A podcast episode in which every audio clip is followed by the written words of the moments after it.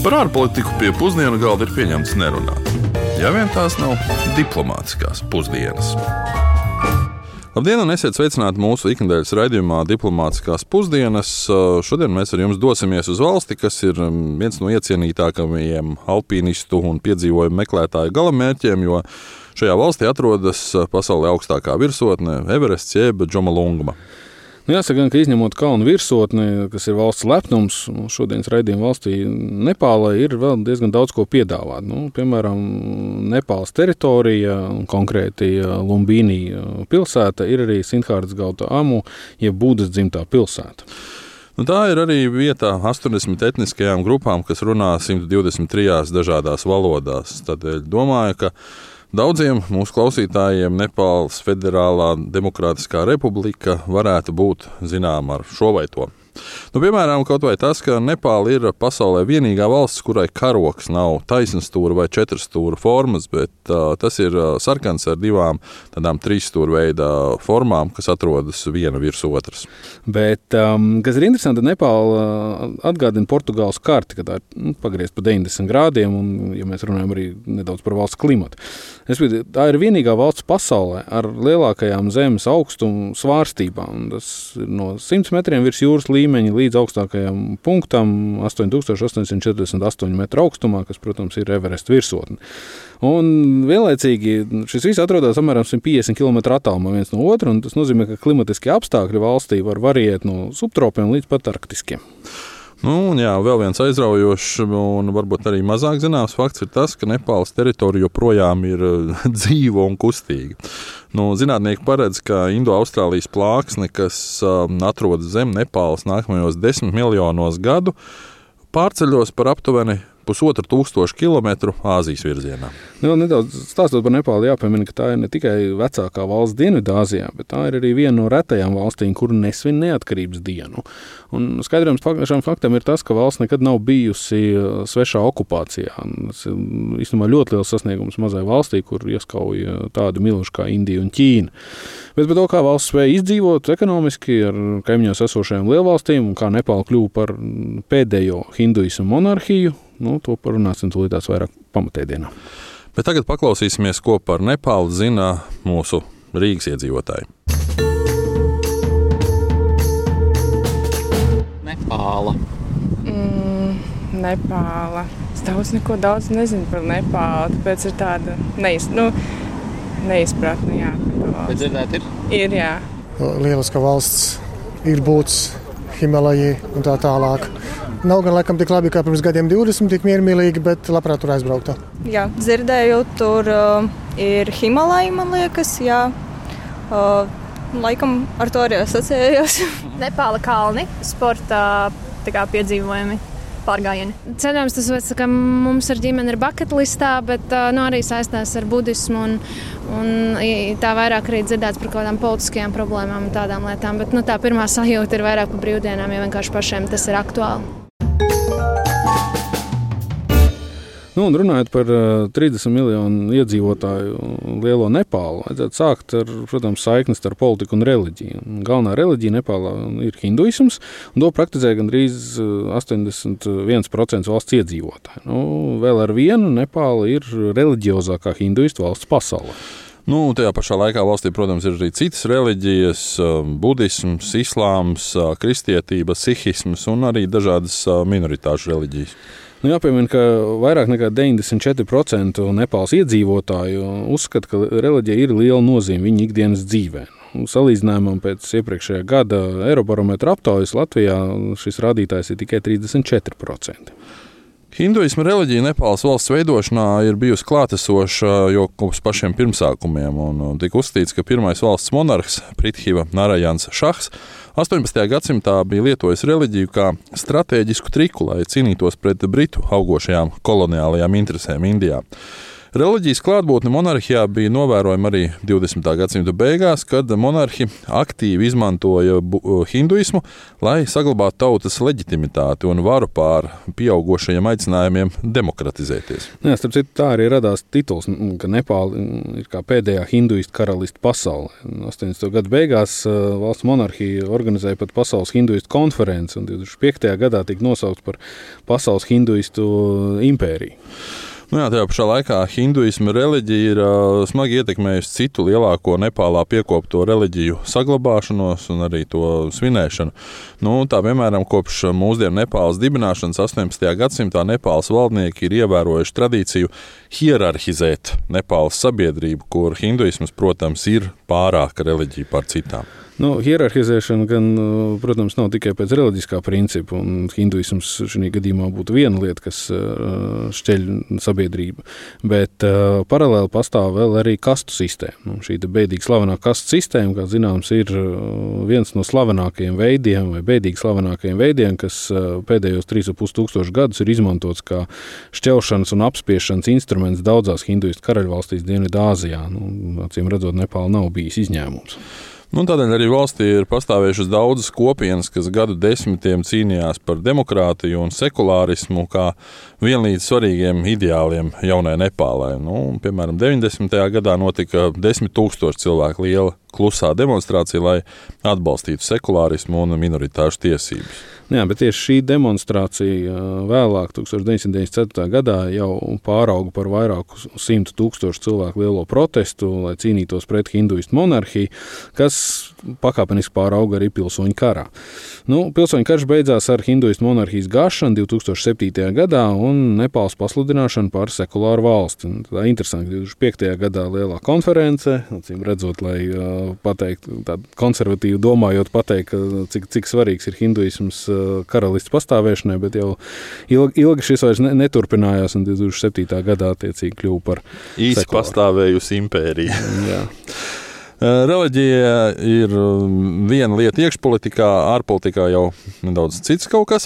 Tādēļ, kā hinduisma reliģija spēja ietekmēt Nepāles attiecības ar kaimiņu valstīm, arī jau iepriekš minēto Indiju un Ķīnu, to mēs jautājām Gaurovam Šarmam, Ziemeļreinas Vestfālēnas starptautiskās politikas akadēmijas pētniekam. Nepal is the land of temples. It's called the land of temples. So you, you might find as many temples as Nepālu sauc par tempļu zemi, jo šajā valstī ir gandrīz tikpat tempļu, cik māju. Var teikt, ka reliģiskās saiknes starp Nepālu un Indiju ir veidojušās mitoloģiski. Daudziem būs zināms stāsts par dievībām Rāmu un Situ. Dieviete Sita ir dzimusi Nepālā, Džanakpurā, bet dievs Rāma ir dzimis Indijā, Ajodijā, un viņi aprecējās. Šīs attiecības ir desmit tūkstošus gadus senas, taču joprojām notiek šie hinduistu ceļojumi starp Indiju un Nepālu. Ja skatāmies uz indiešu mitoloģiju, tad tiek pielūgti trīs galvenie dievi. Viens ir dievs Šiva, otrs ir dievs Višnu, viens arī radītājs un otrs ir iznīcinātājs. Arī abu šo dievu tempļi ir vieni no Indijas un citas pasaules hinduistu visvairāk apmeklētajiem tempļiem Nepālā. Otra lieta, kas vienmēr ir raksturojusi Nepālu, ir hinduistu hinduistu karaļi, kuri ir uzturējuši ciešus sakarus arī ar budistiem, jo arī Budas dzimšanas vieta atrodas Nepālā.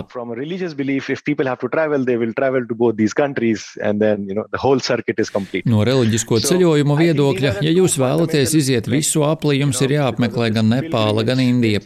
Šīs vēsturiskās un reliģiskās saiknes arī ir veidojušas Nepālas un Indijas attiecības. Arī pašreizējais Indijas premjerministrs, kad dodas uz Nepālu, dodas uz vienu konkrētu templi, aizlūdz tur, tādējādi piesaistot šai vietai turistu plūsmu. To varētu nosaukt par tādu kā divpusējo reliģisko diplomātiju.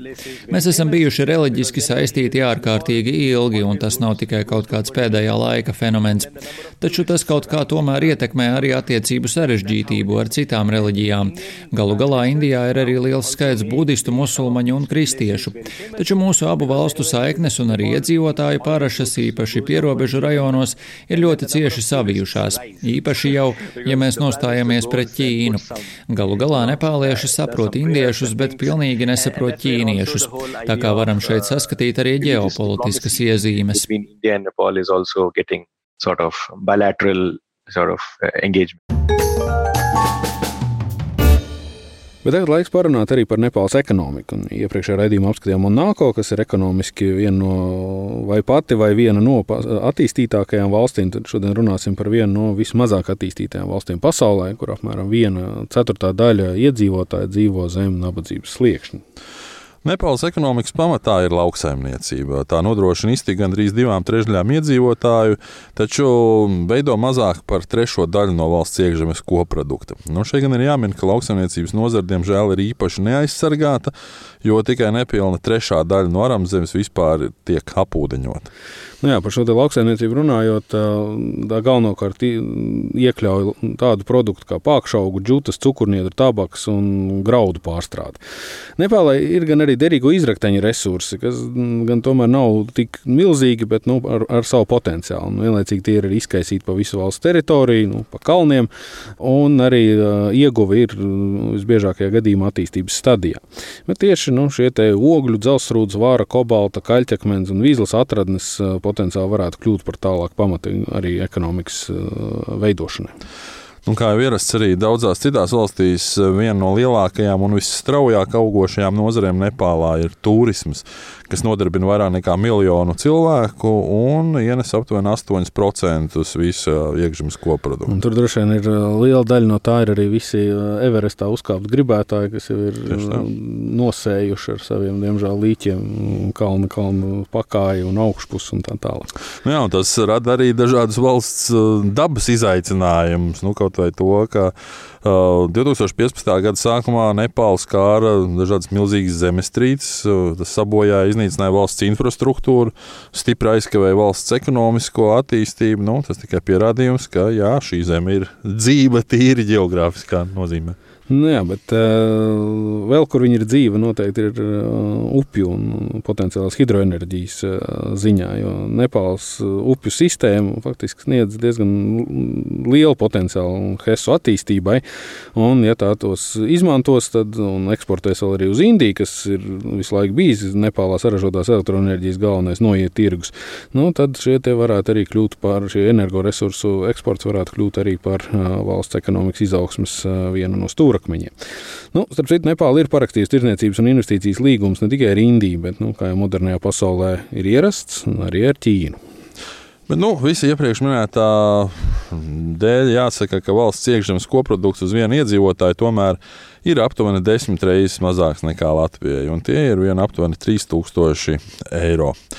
Bet valsts politiskā nestabilitāte, arī sarežģītais uzņēmējdarbības klimats, tas viss kavē ārvalstu investīcijas un tostarp arī daudz sološo derīgo izrakteņu ieguvu. Lai cik būtu paēdis, vienmēr ir vieta arī desertam. Parasti, kad runā par Nepālu un Everestu, man patīk palielīties, ka mans radinieks Andris Lapkašs ir uh, viens no pirmajiem latviešiem, nevis Latvijas latviešiem, bet uh, Amerikas latviešiem, kas ir uzkāpis Everestā un uznesis tur sarkanbaltu sarkano karogu. Tas ir tas svarīgākais. Un, mm -hmm. es, man ir bijis tas gods ar viņu arī tikties, un man ir bilde no Everesta augšas mājās jūtos lepns par to. Man gan toreiz bija mazs puika, man nebija iespēja Andrim paprasīt, vai viņš kāpjot Everestā vairākas reizes nav redzējis tādu mītisku, mistisku un kopumā ļoti intriģējošu radījumu kā jetī, jeb sniega cilvēku. Un šis noslēpumainās palvainā divkājainā radība, kas dzīvojot Āzijas kalnos un atstājot milzīgas pēdas sniegā. Nu, kā izdara tā, kā lielākā daļa citu cilvēku dara. Papēt to fotografiju uzmanīgāk, varbūt fonā kaut kur sazīmēs. Um, nu jā, nu neskatoties, ka desmitiem ekspedīciju Krievijas, Ķīnas un Nepāles attālajos uh, kalnu reģionos uh, ir devušās un pētījušas, nu, Jēti eksistence joprojām nav pierādīta. Tādēļ nodalījumā, ka par šo leģendām apvīto stāstu jums pastāstīt nedaudz vairāk. Uh, Nu, tātad Jetī bija tieši Nepāles seno leģendu un Himalaju tautas folkloras tēls. Lielākā daļā šo pasaku Jetīs bija briesmonis, kas tika atspoguļots stāstos, lai mācītu bērniem izvairīties no bīstamiem savvaļas dzīvniekiem un neaizklīst prom no mājām. Tomēr, kad turisti sāka ceļot uz Himalajiem, mīts kļuva sensacionālāks. No 1921. gadā žurnālists vārdā Henrijs Ņūmens intervēja britu pētnieku grupu, kas tikko bija atgriezusies no Everesta ekspedīcijas. Nu, pētnieki žurnālistam stāstīja, ka kalnā ir atklājuši ļoti lielas pēdas, kurām viņu gidi bija piedēvējuši metoh kangmi, kas būtībā nozīmē cilvēks, lācis, sniegavīrs. Nu, Ņūmens pareizi saprata daļu vārdu sniegavīrs, bet nepareizi tulkoja metohu. Nu, iztulkoja to kā netīrs. Nu, tad viņam šķita, ka pretīgs.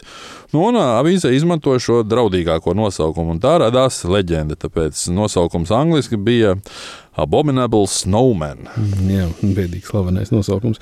Starp citu, diezgan daudzi pētnieki ir mēģinājuši pierādīt Yeti eksistenci. Tā jau kopš 1960. gadā Sērs Edmunds Hillarijs, kas bija pirmais cilvēks, kurš uzkāpa Everestā, meklēja liecības par Yeti. Nu, 2013. gadā Oksfordā pat tika veikti pētījumi, kur ģenētiķis Brians Saiks apgalvoja, ka ir atradzis ietīgu matus, zobu un audu gabalu, ko tad attiecīgi iesniegt DNS pētījumiem. Tomēr saskaņā ar Londonas Universitātes koledžas secinājumu lielākā daļa paraugu izrādījās paņemta no tādiem dzīvniekiem kā, piemēram, nu, govs, zirgs un lācis. Un, respektīvi, akadēmiski izsakoties, pilnīgs fake. Protams, nenoniecinot sēra Edmunda Hillarija sasniegumus Everest iekarošanā, varētu teikt, britu zinātnieki ir konstatējuši vai secinājuši. Bet mēs sakām, ka vēl viens diplomātsko pusdienu stāsts par neticamajām būtnēm ierindots ir atmaskots plauktiņā. Bet ar šo ir pienācis laiks arī noslēgt mūsu raidījumu. Nākošajā nedēļā mēs jau dosimies uz Dienvidameriku un uz Kolumbiju. Atgādināšu, ka mūsu raidījums ir klausāms jebkurā jums vēlamā, pieejamā laikā, podkāstu formātā, arī Latvijas radio mājaslapā un Latvijas radio jaunajā mobilajā lietotnē. Šo raidījumu veidojām mēs, dr. Kārls Bukovskis un Esuģis Lībijams no Latvijas radio. Palīdzēja mums to veidot Aleksandra Palko un Rihards Plūme. Uz sadzirdēšanos! Lai mierīga nedēļa! Diplomātiskās pusdienas katru otrdienu pusdienos Latvijas Radio 1.